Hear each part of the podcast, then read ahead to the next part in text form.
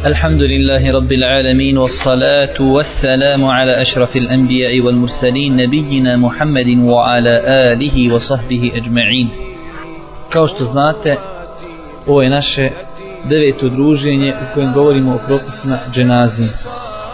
14. poglavlje koje je šeh Rahmetullahi Alehi, šeh Albani naslovio ukop i ono što slijedi nakon ukopa. Za one koji nisu prisustvovali prije, znači knjigu po kojoj radimo ova predavanja je knjiga šeha Albanija Rahmetullahi Alihi koju on naslovio Ahkamul Dženaiz, propisi dženazi. Došli smo do 87. taške pa kaže šeh Rahmetullahi Alihi obaveza je ukopati Medjita pa makar bio nevjernik o tome sljedeći svjedoči dva hadisa. Znači šeh Rahmetullahi Alihi nas obavještava i uči da je obaveza zakopati insana kada umre pa makar ta osoba koja je preselila bila i nevjernik.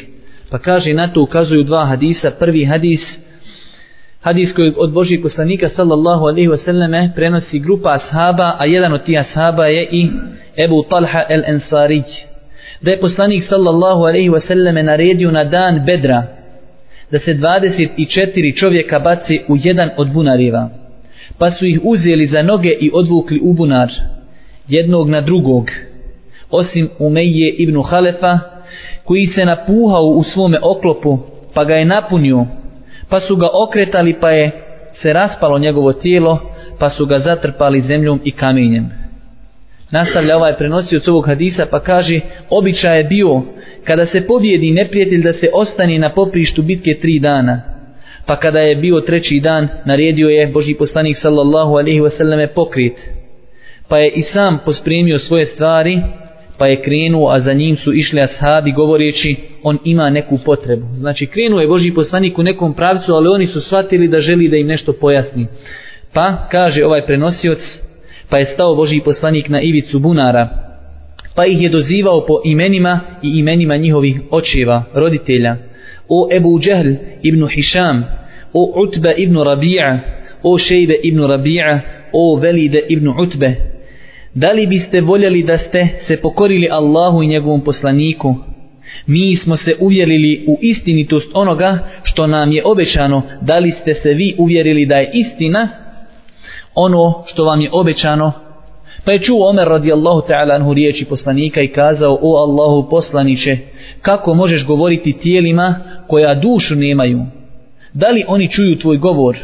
Jer Allah Đelešanu kaže, inneke la tusmi'ul meuta, ti ne možeš mrtvi dozvati. Pa je kazao Boži poslanik, tako mi onog, u čioj ruci je moja duša, vi ništa bolje ne čujete od njih.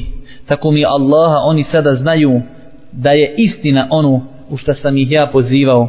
Oni sada čuju, ali ne mogu odgovoriti. Rekao je Katade, Allah ih je oživio njemu, da čuju njegov govor prijekorom i iz poniženja. Hadis je zabilježio Buharija i Muslim. Znači vidjeli smo na početku ovog hadisa to zbog čega ga je šeh Albani Rahmetullah spomenuo u ovom poglavlju, jer je on kazao na početku obaveza je zakopati svakog mrtvog insana, pa makar bio i nevjernik, i onda je citirao ovaj hadis gdje se vidi da su ashabi, one osobe koje su pobili na bitki, u bitci na Bedru, zatrpali u jedan od bunareva, a Umeje ibn Halefa, znači, nisu ga odvukli u bunar, već su ga zatrpali zemljom i kamenjem. Drugi hadis koji ukazuje na isti ovaj propis jeste hadis od Alije radijallahu ta'ala kada je preselio Ebu Talib. Došao sam poslaniku i kazao, tvoj zabludjeli Amidža je umro, ko će ga ukopati? Pa je kazao Boži poslanik, idi i ukopaj ga. I ne radi ništa dok mi ne dođeš. Pa je kazao Alija radijallahu ta'ala anhu, on je umro kao mušrik. Pa mu je kazao poslanik, idi i oku, idi i ukopaj ga, pa sam otišao i ukopao ga. Pa sam došao poslaniku pa mi je kazao idi i okupaj se i ne čini ništa dok se ne vratiš. Pa sam se okupao i vratio, pa je Boži poslanik uputio dovu za mene koja mi je toliko bila draga i koja me toliko obradovala, bila mi je draža od blaga crvenih deva, rekao je Alija, odnosno rekao je ovaj prenosio ovog hadisa Alija radijallahu ta'ala anhu kada bi kupao nekog mejita, on bi se također okupao, hadis je zabilježio Ahmed Ebu Davud, En Nesai, Bejheqi, a hadis je vjerodostojan.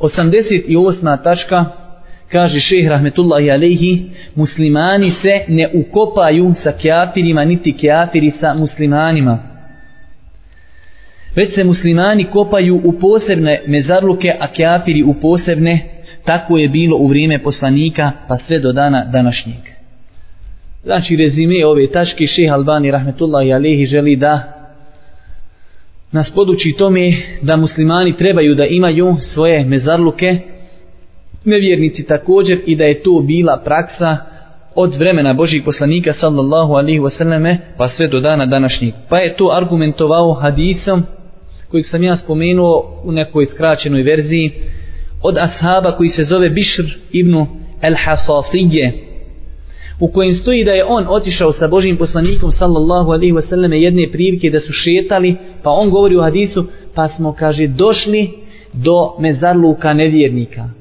Pa smo nastavili šetati pa smo došli do mezarluka muslimana. Pa je Boži poslanik sallallahu alaihi wasallam vidio čovjeka koji hoda između kaburova u papučama pa ga je zovnuo i kazao teško tedi baci ili skini svoju obuću. Pa je pogledao i prepoznao poslanika pa ih je skinuo i bacio. Poslije ćemo mi govoriti da li je dozvoljeno hodati između kaburova u obući, ali ovdje vidimo kako ovaj ashab kaže u početku šetao sam sa Božim poslanikom, pa smo prošli pokraj mezarluka nevjernika, pa smo nastavili šetati pa smo došli do mezarluka muslimana, što ukazuje da od samog početka muslimani i nevjernici nisu se ukopavali u iste mezarluke. Hadis koji smo malo prije spomenuli zabilježi imam Ebu Davud, Ennesaj, Ibnu Mađe i drugi hadis je vjerodostojan. Ovdje možemo spomenuti da je jednoj velikoj instituciji, možda najveća institucija, pravna institucija u svijetu koja se zove Međma el Fiqhi ili pravni kongres islamske uleme, ovaj da su zasjedali i da im je postavljeno pri, pitanje iz Vašingtona da li muslimani koji nemaju mogućnosti da se ovaj svoje znači mrtve prebace u neku islamsku državu da se ukopaju sa muslimanima a ne postoji druga varijanta i mogućnost osim da se ukopa u groblje ili mezarluke gdje se ukopavaju nevjernici, da li je to dozvoljeno, pa su odgovorili da je to dozvoljeno, znači zbog nužde i zbog potrebe, jer ne postoji neka druga opcija, ako čovjek ne može da plati, znači transport, a u državi je zakon takav da čovjek ne može tražiti posebne ovaj mezarluke za muslimane, onda su to oni dozvolili. Znači koristi radi, tu sam ja ovaj preuzeo iz tih njihovi ovaj naučnih radova. 89. tačka kaže šehr rahmetullahi alihi sunnet je da se medjit ukopa u mezarluku jer je poslanik sallallahu alihi wasallame ukopavao mrtve u Beqiju kao što su došli mnogi mutevatir hadisi o tome i nije prenešeno da su nekog od selijefa ukopali osim u mezarlucima. Znači ovdje šeh kaže, znači to je stvar, hajde da kažemo manje više inšala svima poznata, ali ipak koristi radi, on kaže, znači od sunneta je da se ljudi okopa, ukopavaju u mezarluke kako ne bi to vodilo, ovaj, hajde da kažemo, cijepanju muslimana pa da neko izmisli neka nova mjesta gdje će se ukopavati mrtvi ili nešto slično tome i onda on to argumentuje da postoje mutevatir hadisi da su se muslimani ukopavali u Beqiju. Pa onda odgovara nakon toga na jednu nejasnoću koja bi se mogla postaviti, a to je ako neko kaže, a šta Boži poslanik sallallahu alaihi wasallam nije ukopan u mezarlucima, već je ukopan u kući Aiše radijallahu ta'ala, pa on kaže, osim što je poslanik sallallahu alaihi wasallam ukopan na mjestu smrti, a to je od osobenosti Božijeg poslanika sallallahu alaihi wasallame zbog hadisa Aiši radijallahu ta'ala anha kada je umru poslanik ashabi su se razišli gdje da zakobaju Božijeg poslanika. Pa je kazao Ebu Bekr Čuo sam poslanika sallallahu alaihi wasallame da kaže Allah usmrčuje svoje poslanike u mjestima na kojima voli da budu ukopani. Kaže šeha Albani rahmetullahi alaihi ovaj hadis je daif, ali ga pojačavaju druge predaje i ukazuju da je njegovo značenje ispravno. Znači da je to bilo od osobenosti Božijih poslanika da je ukopan na mjestu gdje je preselio. 90. tačka kaže šejh rahmetullahi alihi ispomenu tog, znači on je spomenuo da se muslimani ukopaju u mezarlucima, pa kaže ispomenu tog se izuzima jedna grupa ljudi, a to je šehidi. Oni se ukopavaju na mjestu pogibije i ne nose se u mezarluke. Mi smo o tome već detaljno govorili u prvim dersovima. Sjećate se hadisa Džabira radijallahu ta'ala gdje on kaže hadis koji je zabilježio imam Ahmeda, hadis je vjerodostojan, da je njegova majka uzela njegovog oca i njegovog njenog brata, njegovog dajđu, pa, su, pa ih je odnijela u Beqiju kako bi ih pokopali u Beqije, pa je Boži poslanik naredio da se šehidi koji su preselili na Uhudu vrate i da se ukopaju na Uhudu, iako je ta znači prostorom razdaljna nije neka velika, ali ipak Boži poslanik sallallahu alejhi ve selleme naredio da se ukopaju na mjestu njihove pogibije. 91. tačka kaže Šejh rahmetullahi alejhi nije dozvoljeno ukopati Megita u sljedećim situacijama i vremenima, osim ako za to postoji potreba. Znači ovo je jedna tačka koja će imati neke podtačke. 91. tačka Šehi Rahmetullahi Alihi kaže nije dozvoljeno ukopati Mejita u sljedećim situacijama i vremenima osim ako za to postoji potreba. Prva situacija jeste pod A u tri vremena, znači ona poznata tri vremena kada je zabranjeno klanjati na filu. Zbog hadisa Ukbe ibn Amira, Allahu poslanik sallallahu alaihi wasallam je zabranio nam je da klanjamo u tri vremena i u tim vremenima da ukopajemo mrtve. U vrijeme izlaska sunca dok ne oskoči, kada se nađe u zenitu, u zenitu dok ne prijeđe na drugu stranu neba i kada se približi sunce horizontu sve dok ne zađi. Kaže šeha Albani rahmetullahi alihi i za ovo mišljenje koje on spomenuo u knjizi je preferirao Ibn Hazm, Ibn Hazm znači vođa i osnivač bukvalističke pravne škole.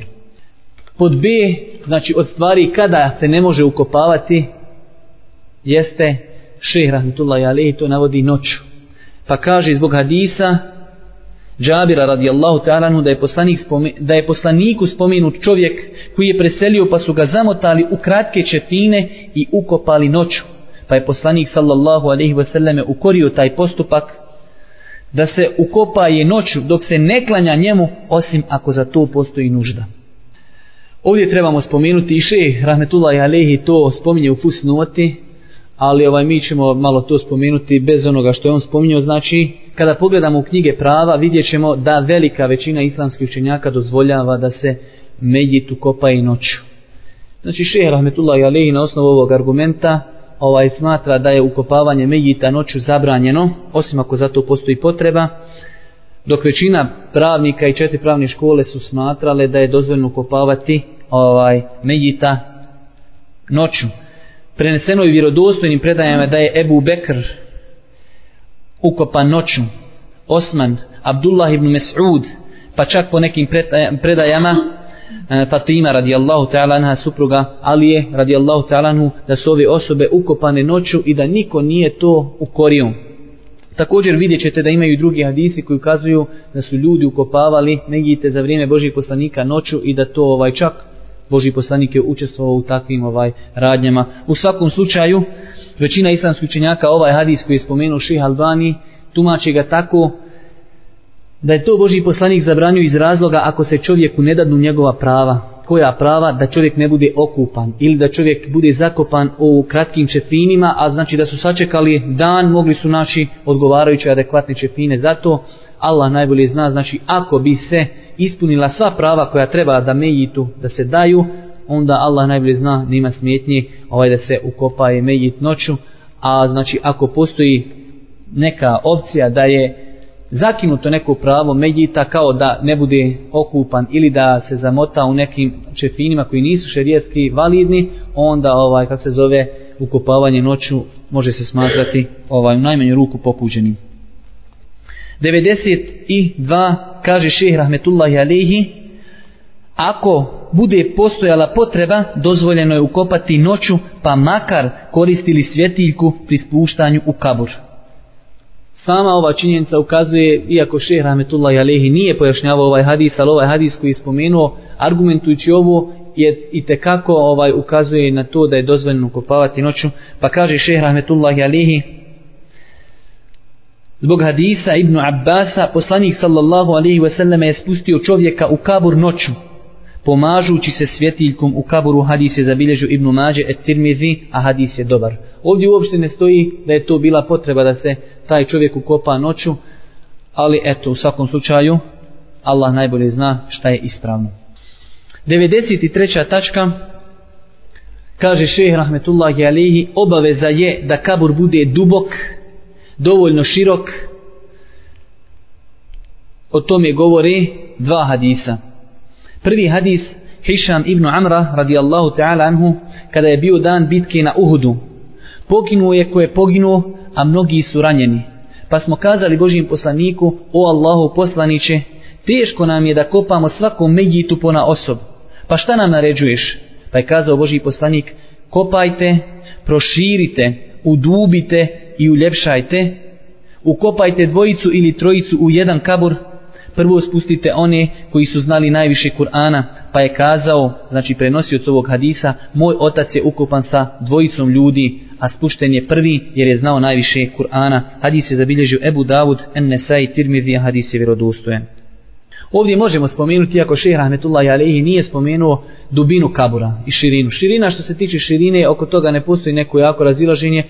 Dovoljno je da kabur bude toliko širok da se može medjit u njemu spustiti, da se može ući u kabur, znači da se obavi ta ovaj ukop normalno. Što se tiče dubine, po tom pitanju ima različitih mišljenja, ali bitno je spomenuti jednu stvar, a to je da ne postoji validan argument koji ukazuje koliko treba biti dubok kabur. Treba da bude dubok. Pa zato islamski činjaci kažu prilikom zakopavanja mejita treba, treba se paziti na tri stvari. Ako se te tri stvari ispune, dovoljna je dubina. Treba da bude toliko dovoljno dubok kabur da ne mogu životinje iskopati čovjeka. Druga stvar, da se znači hajde da kažemo smrad lešnika, čovjek već počne da truhne, da se to ne čuje na površinu i da na kraju krajeva prija je to bio običaj kada su bile velike djede i nestašice su ljudi znali otkopati mejite sam kako bi sa njega skinuli čefine, to se zove u arapskom nevš. Iskopavanje mejita samo da bi skinuli čefine i zakopaju ga ponovo i sutra prodali te čefine nekom drugom. Ovaj, znači, ako ukopaš mejita duboko, u svakom slučaju nekom, njemu će biti mrsko, ali ako ga iskopaš, ukopaš samo do koljena, onda će njega začes iskopat. Ovaj, To, to su stvari koje navode islamski učenjaci. Ovo što je kod nas zastupljeno, znači da se kopa otprilike negdje do ovaj do pasa ili do prsa, inšala, to je ispravno i validno. Čak ima uleme koji su govorili da se zakopa i do koljena, ali mislim da je to ipak plitko. Dok ima uleme koji kažu treba toliko dubok kabur biti da se čovjek ne vidi iz kabura. U svakom slučaju, nama je bitno ovaj da kažemo i da rezimiramo da nema validnog argumenta koji ukazuje koliko treba biti dubok kabur. Već Boži poslanik kaže udubite, kopajte duboko. Na osnovu toga, inša Allah, ono što se praktikuje kod nas, inša Allah, validno je. Drugi hadis koji ukazuje na ovu istu stvar da kabur treba da bude dubok i da bude širok jeste hadis koji prenosi od Božih poslanika jedan od ashaba Pa kaže, izišli smo sa poslanikom sallallahu alaihi wasallam da klanjamo dženazu jednom ensari. Ja sam bio dječak sa svojim ocem, pa je sjeo poslanik sallallahu alaihi wasallam na ivicu kabura i govorio onome koji kopa, proširi malo kod glavi, proširi malo kod nogu. Hadis je zabilježio Ebu Davud, Bejheci, Ahmed, a hadis je vjerodostojen. Vidimo ovdje, znači, naredba Boži poslanik je stao na ivicu kabura, pa je govorio onome koji je kopo, proširi malo kod glavi, proširi malo kod nogu. Tako iz ovog hadisa i onog spomi, malo prije spominutog se uzima taj propis da kabur treba da bude širok i da bude, kako se zove, dubok. Kaže šeh Rahmetullahi Alihi 94. tačka, dozvoljeno je spustiti ili ukopati Megita u lehd i u šekko. Dozvoljeno je ukopati Megita u lehd, spustiti u lehd i u šek. Ili k, znači tvrdo. To je bilo, znači ova dva načina ukopavanja, pojasnit ćemo inšala oba načina, oba načina su bila poznata za vrijeme Božih poslanika sallallahu alaihi wasallame i po konsenzusu su oba ispravna a po konsenzusu je lehd bolji. Znači imamo dva konsenzusa. Imamo prvi konsenzus da su oba načina validna i drugi konsenzus da je ukopavanje u lehd ispravnije, odnosno da je bolji.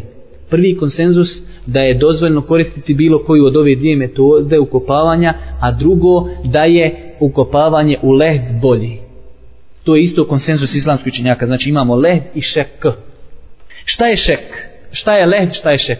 Lehd je da se iskup, iskopa šupljina koja se iskopa uzdužno uz kabur sa strane do kibli. Sad zamislite, znači imamo kabur i donije strane gdje je kibla iskopa se dole na dnu, znači visine neki 40 ovaj cenata se ukopa onoliko koliko bi mogao se staviti mejit. Kada ozgur gledaš, kada se mejit stavi u, u taj led, da ozgur ne vidiš mejita.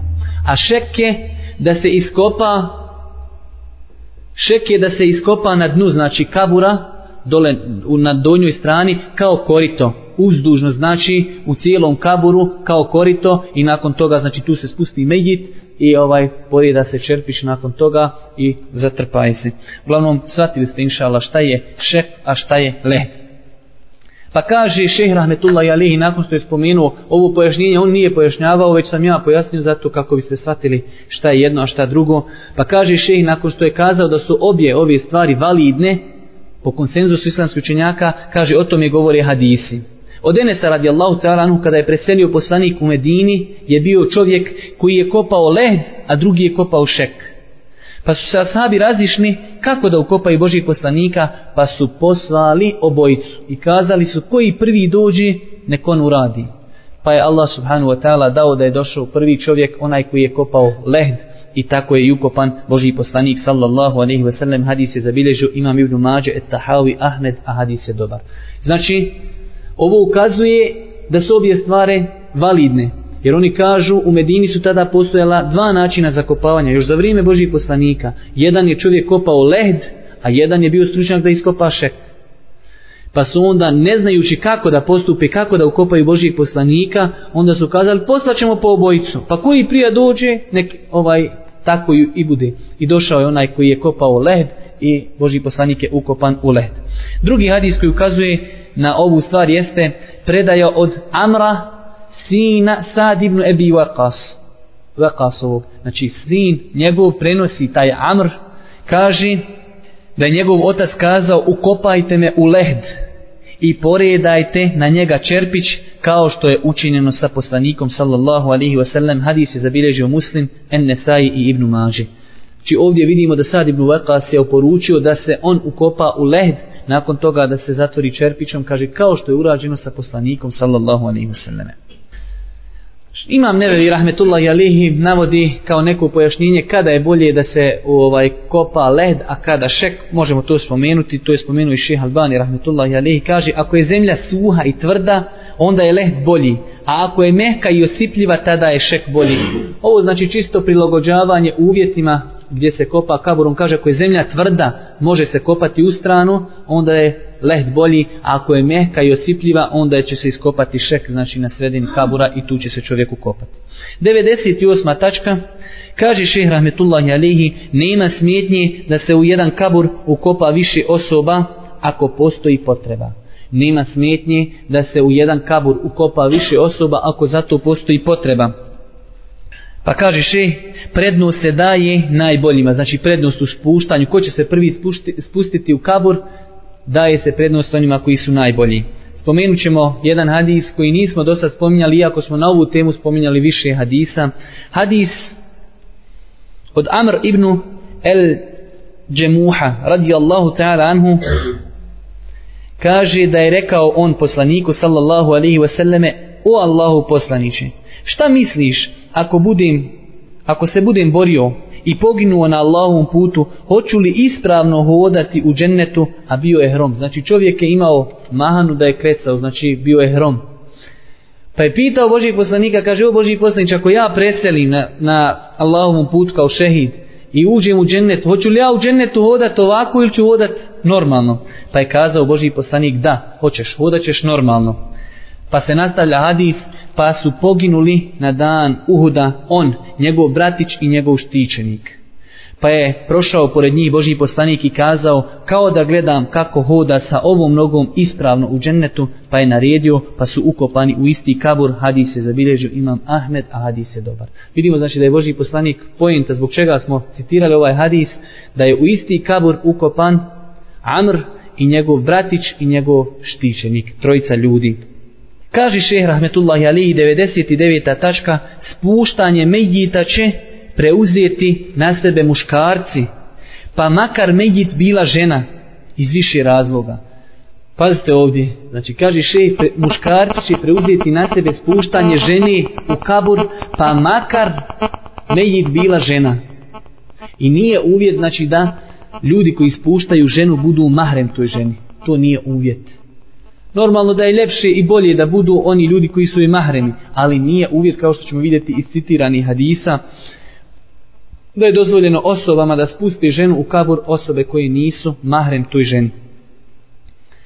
Pa kaže šejh to iz više razloga, jedan od, odnosno on spominje tri razloga. Prvo, što je to bila stalna praksa Božih poslanika sallallahu alaihi ve sellem Nikada nije prenešeno da su žene spuštale neku ženu u kabur.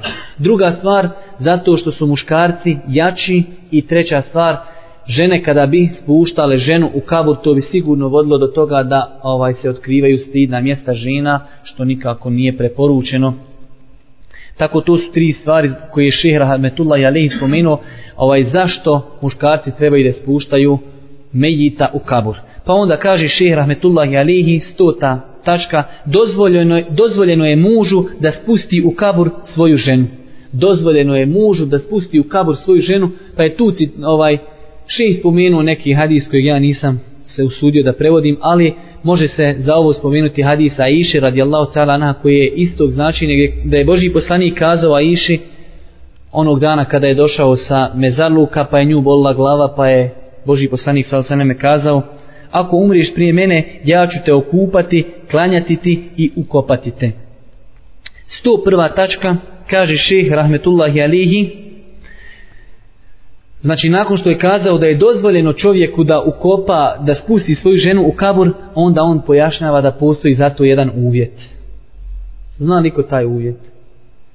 Ima jedan uvjet, znači jedna stvar, ako bude pri čovjeku, ne, pri čovjeku ne može spustiti svoju suprugu u kabur. Dobro, to, to ovaj, spustit će. Kaže še pod uvjetom da te noći nije imao spolni odnos. A ako jeste, nije mu to propisano i drugi su preći od njega, pa makar bili stranci toj ženi. Pazite šta je rekao šejh. Kaže šejh rahmetullahi alihi, čovjek propisano je da spusti svoju ženu u kabur pod uvjetom ako nije te noći, znači kada je ona preselila, imao spolni odnos. A ako jeste, to mu nije propisano. Drugi su preći od njega, pa makar bili stranci. Šta znači stranci? Nije Njemci i Francuzi, stranci, nisu mahremi toj ženi. Zbog hadisa Enesa radijallahu ta'ala anhu kaže, prisustvovali smo dženazi poslanikove kćerke. Poslanik je sjedio na kaburu, vidio sam njegove oči koje su bile suzne. Pa je kazao, ima li neko među vama da nije imao spolni odnos sinuć? Pa je rekao Ebu Talha, da, ja u Allahu poslaniće. Pa je kazao, siži, pa je sišao u kabur, pa je, pa ju je spustio. Talha nije bio mahrem čerki Božijeg poslanika, ali je Božiji poslanik naredio da on siđe pa da spusti čerku Božijeg poslanika. U drugoj predaji ćemo vidjeti da je bio njen muž tu prisutan, ali je, iako je muž njoj mahrem, ali je dao Božiji poslanik prednost onima koji nisu imali te noći spolni odnos, da ovaj siđu u kaburi da ispuste, a prisutni su tu bili mahremi. Pa kaže se u drugom rivajetu, kada je umrla Rukajja, iako ima razilaženja kod islamskih učenjaka, da li je to bila Rukajja ili druga neka čirka, ali je sigurno da je jedna od čirki Božih poslanika. Kada je umrla Rukajja, rekao je poslanik, neka ne ulazi u kabur onaj koji je imao spolni odnos sinoć, pa nije ušao osvan u kabur. Prvi rivajet, prva predaja je zabilježena kod Buharije, a druga kod Ahmeda Tahavije Hakima, a druga ova predaja je vjerodostojna.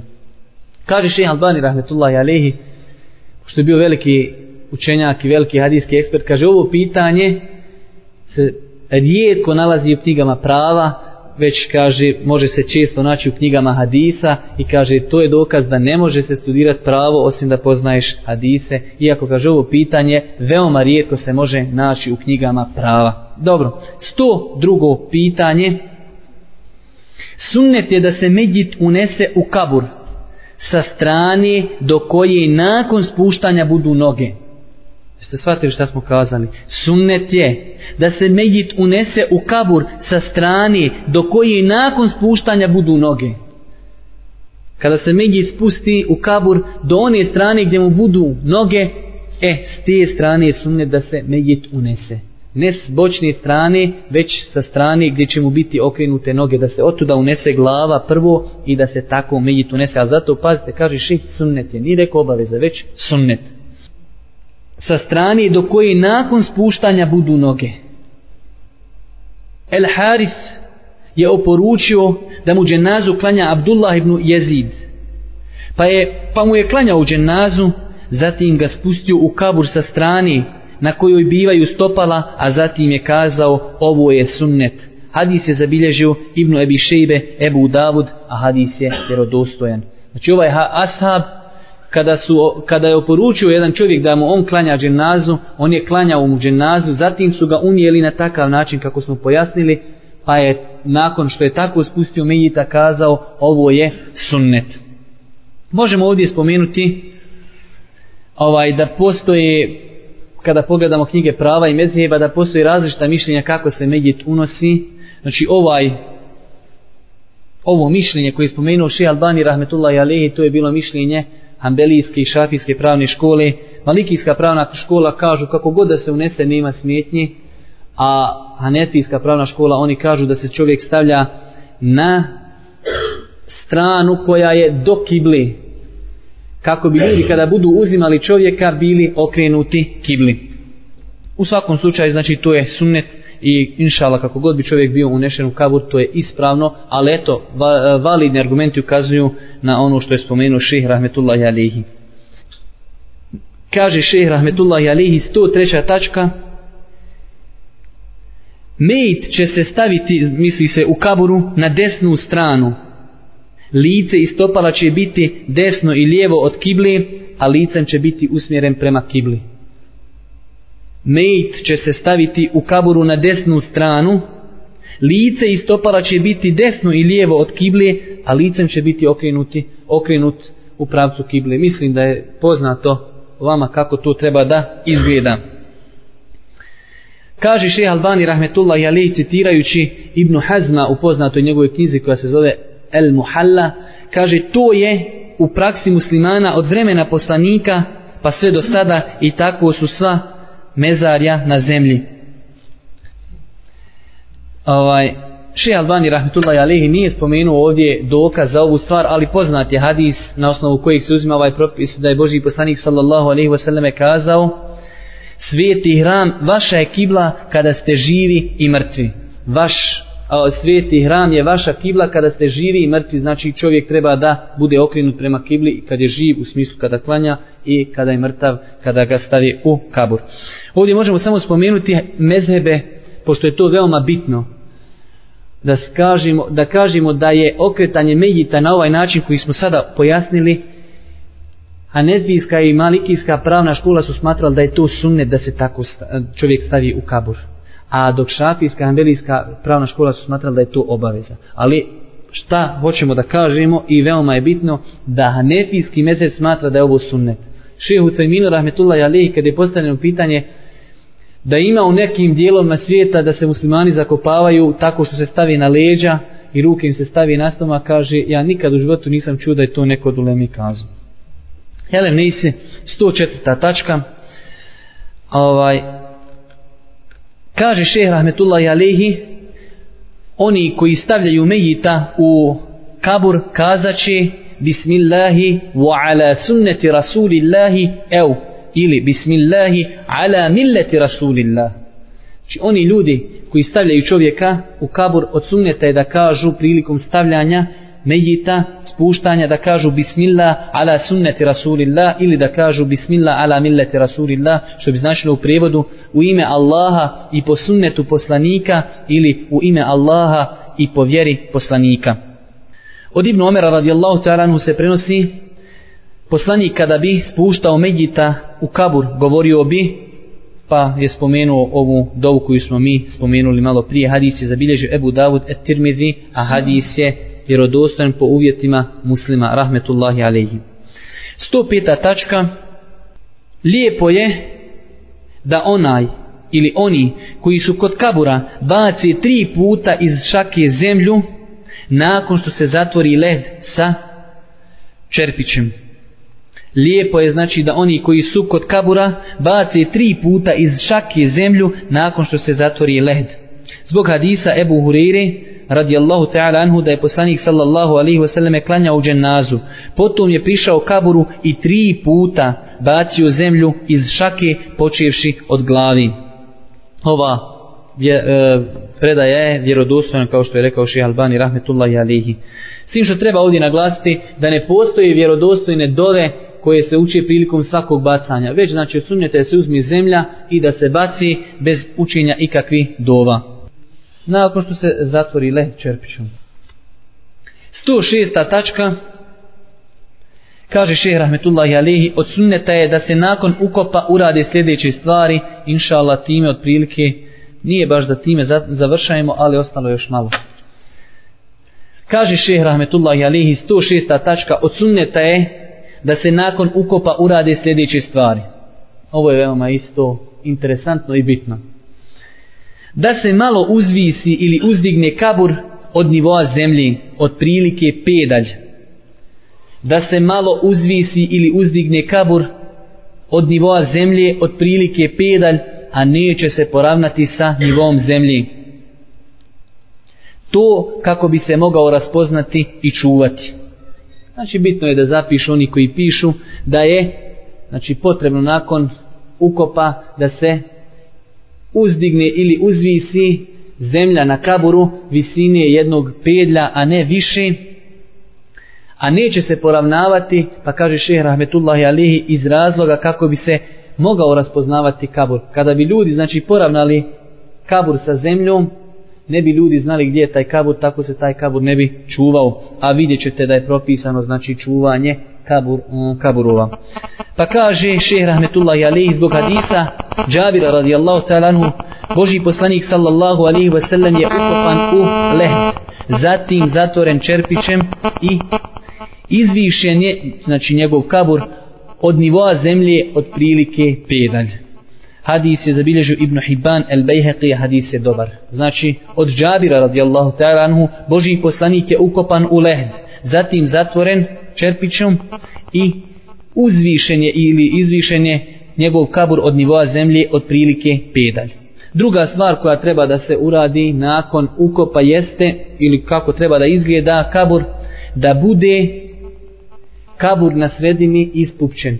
To je znači da bude ovaj na sredini ispupčen, a da sa strane zemlja bude ovaj oborena. Da izgleda kao luk. Zbog hadisa Sufjana, radijallahu ta'ala anhu, vidio sam kabur Allahovog poslanika Ebu, Bekra, Omera, bili su iskupčeni na sredini, a zemlja je padala sa strane kao luk. Hadis je zabilježio imam Buharija radi, uh, rahmetullahi alihi. Pa nastavlja šeh rahmetullahi alihi pod broj 3 u ovoj 106. tačci Treba kaže da se obilježi kamenom ili nečim sličnim kako bi se ukopao u njega ko umre iz njegove porodice. Znači kako bi se ovdje bukvalno prevedeno kako bi se u njega ukopao ko umri od njegove porodice, ali mislim Allah najbolje zna da se tu misli kako bi se mogao ukopati do njega onaj ko umri iz njegove familije. Znači kaže šehr Rahmetullah Alihi treba označiti kabur kamenom ili nečim sličnim njemu kako bi se mogao znati, kako bi se moglo znati gdje je taj kabur i kako bi se mogli ukopavati drugi ljudi iz njegove porodice tu. Pa on to argumentuje hadisom gdje kaže se kada je umro Osman ibn Maz'un radijallahu ta'ala anhu odnešen je i ukopan. Pa je poslanik sallallahu alaihi wasallam naredio čovjeku da mu donese kamin. Pa nije mogao nije mogao da ga donese pa je otišao poslanik sallallahu alaihi wasallame, zasukao svoje rukave. Pa kaže Matleb onaj koji je prenosio hadis rekao mi je onaj koji mi je pričao u priču kao da gledam bjelinu podlaktica Božijeg poslanika.